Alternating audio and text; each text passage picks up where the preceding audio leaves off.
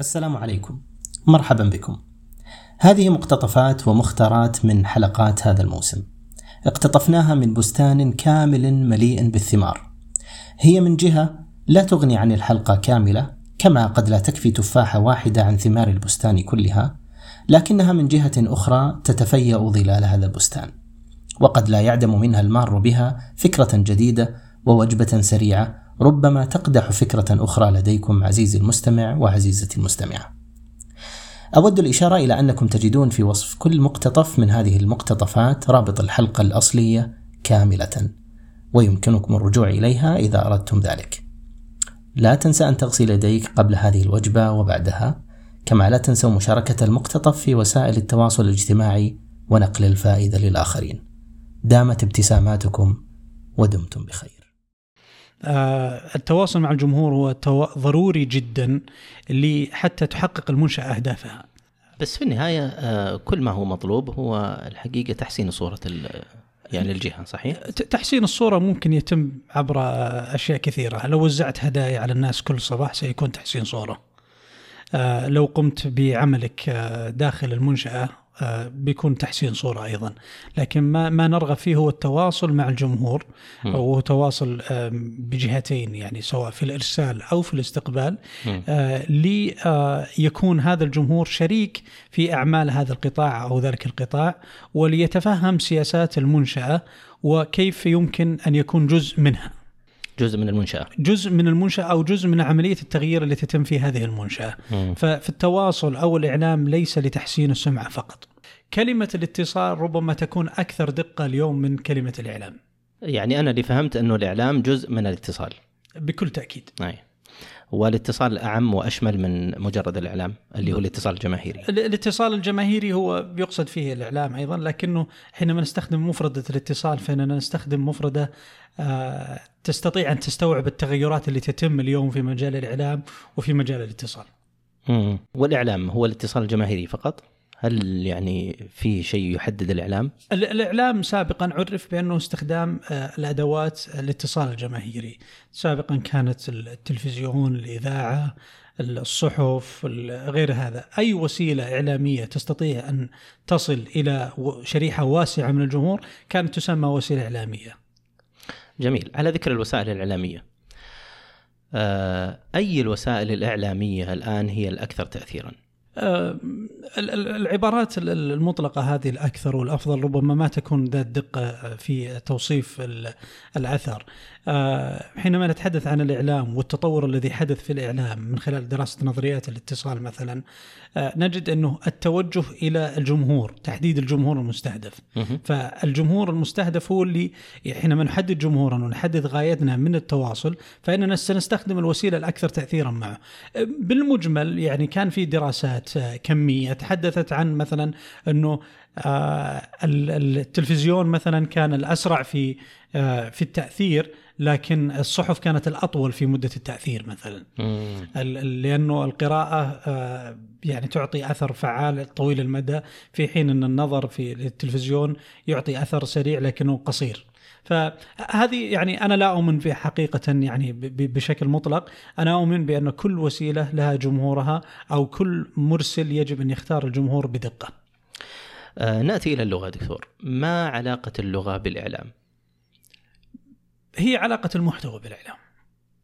آه اليوم مثلا حينما نتكلم عن اللغة أو نتكلم عن المحتوى هي آه، تلك الرسالة التي تنطلق من شخص إلى آخر ومن مؤسسة إلى أخرى.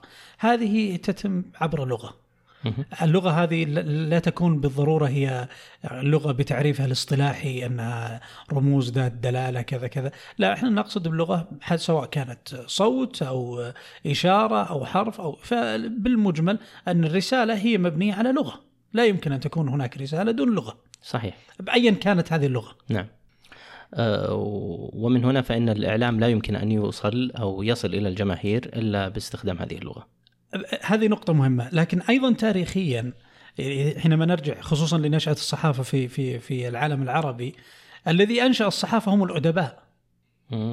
يعني آه، لا يمكن يعني بشكل شخصي لا أستطيع أن أتذكر صحيفة مثلا سواء في السعودية أو في في في الدول العربية أنشأها شخص غير أديب أو شخص غير متصل باللغة اتصال مباشر. يعني قس على ذلك مثلا آه، حمد الجاسر رحمه الله قس على ذلك الأب نستاس الكرملي في في العراق قس على ذلك أسماء كثيرة جدا آه، بدأت من من اللغة من اللغة واتصلت بالصحافة لأنهم كانوا يمتلكون زمام الحرف.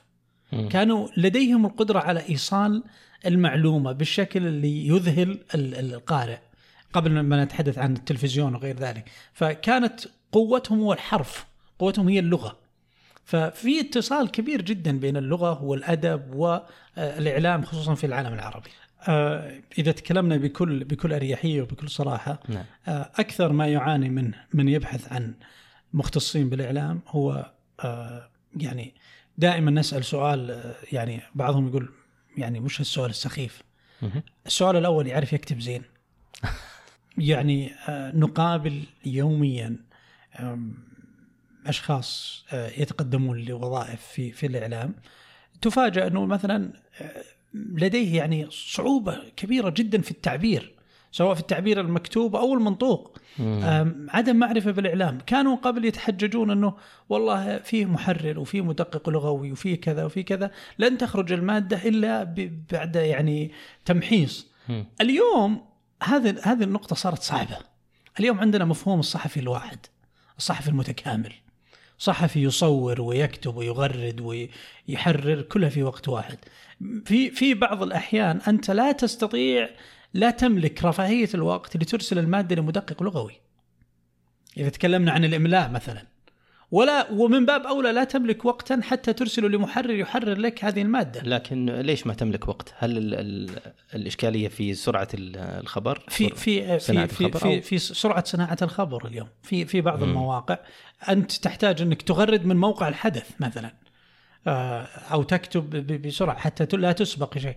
ما عندي وقت انه أنتظر المحرر والمدقق، أنا أتكلم عن مثلا الأسبوع الماضي آه، تسع دقائق كانت كانت تعتبر تأخير شديد جدا في نشر المادة. ف يعني وقس على ذلك أحداث كثيرة جدا لا نملك الوقت. وبعض الإعلاميين اليوم بعد ما ما صار هناك حسابات في تويتر فضحتهم يعني فضحهم تويتر. كيف؟ فضحهم تويتر. يعني صار يفتح كان كنت تنظر له لما يكتب مقالة أو عموده اليومي أو تقريره الصحفي كنت ما شاء الله هذه القدرة على التعبير وهذه القدرة على كذا. اليوم في في تويتر تجد يعني تستغرب أن هذا الشخص أنت كنت تحترمه أصلا قبل. إنه لأنه سابقا كان كان يتستر برداء المحررين والمدققين نعم. وغير ذلك. م. اليوم أنت أمام الجمهور مباشرة. ما ما هي ثقافتك اللغوية؟ ما قدرتك اللغوية.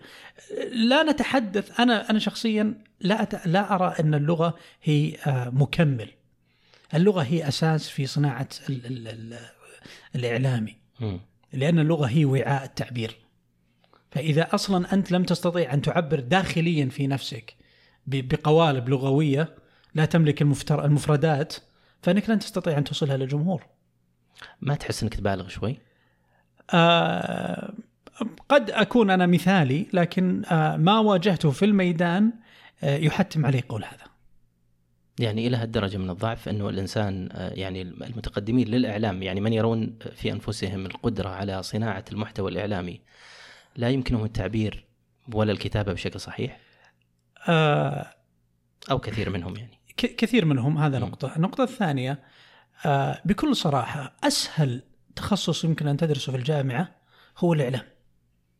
وفي نفس الوقت أصعب شخص يمكن أن توظفه هو الإعلامي. لأنه ما يدرسه الإعلامي هو جزء مما يجب أن يكون عليه الشخص الإعلامي. نتكلم عن ثقافة. نتكلم عن ثقافة. أنا لا أتكلم عن فقط معرفة الإملاء واللغة. أنا أتكلم ما هي معرفته في في في في المجتمع اللي يعمل فيه. ما هي حدوده الثقافية. آه، لدينا صحافة متخصصة. أنا يعني مثلا أعيد آه، ضعف المشهد الإعلامي اليوم لغياب الصحافة المختصة. طيب لماذا تغيب الصحافة المختصة؟ لأن الصحفي يقول أنا معي أنا فقط مختص في الإعلام لكني أنا ما أنا مختص في التقنية، ما أنا مختص في كذا. أين ثقافتك؟ ما هي, تت... ما هي الصحافة المختصة؟ نحن نتكلم عن صحافة مختصة اليوم، لماذا لا يوجد عندنا صحافة تقنية اليوم؟ صحافة مختصة بالتقنية. قد تسألني اليوم تقول إنه في 20 واحد موجودين في إنستغرام وفي تويتر. هذولا لا يقدمون صحافة تقنية هذولا ينقلون منتجات الشركات. ولكنهم يعطونك مراجعات مراجعات يعني هذه هذه المراجعات لا ت... لا ت... لا, تس... لا تسمى صحافة تقنية لا تسمى صحافة علمية. الصحافة العلمية والتقنية أكثر أكثر من هذا وأكبر من هذا.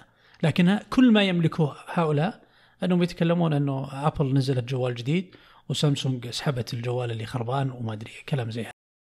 نشكر لكم اهتمامكم ولا نستغني حقا عن آرائكم. اكتبوا لنا تعليقاتكم وشاركوا البودكاست مع من تحبون واضغطوا من فضلكم زر الإعجاب. اشتركوا في البودكاست لتأتيكم حلقاتنا تباعا. شاركونا الرأي وتابعونا على حسابات التواصل الاجتماعي على تويتر وإنستغرام وفيسبوك. ألسون بودكاست. وراسلونا على البريد الإلكتروني ألسون at faz.education نسعد بجميع مشاركاتكم واقتراحاتكم.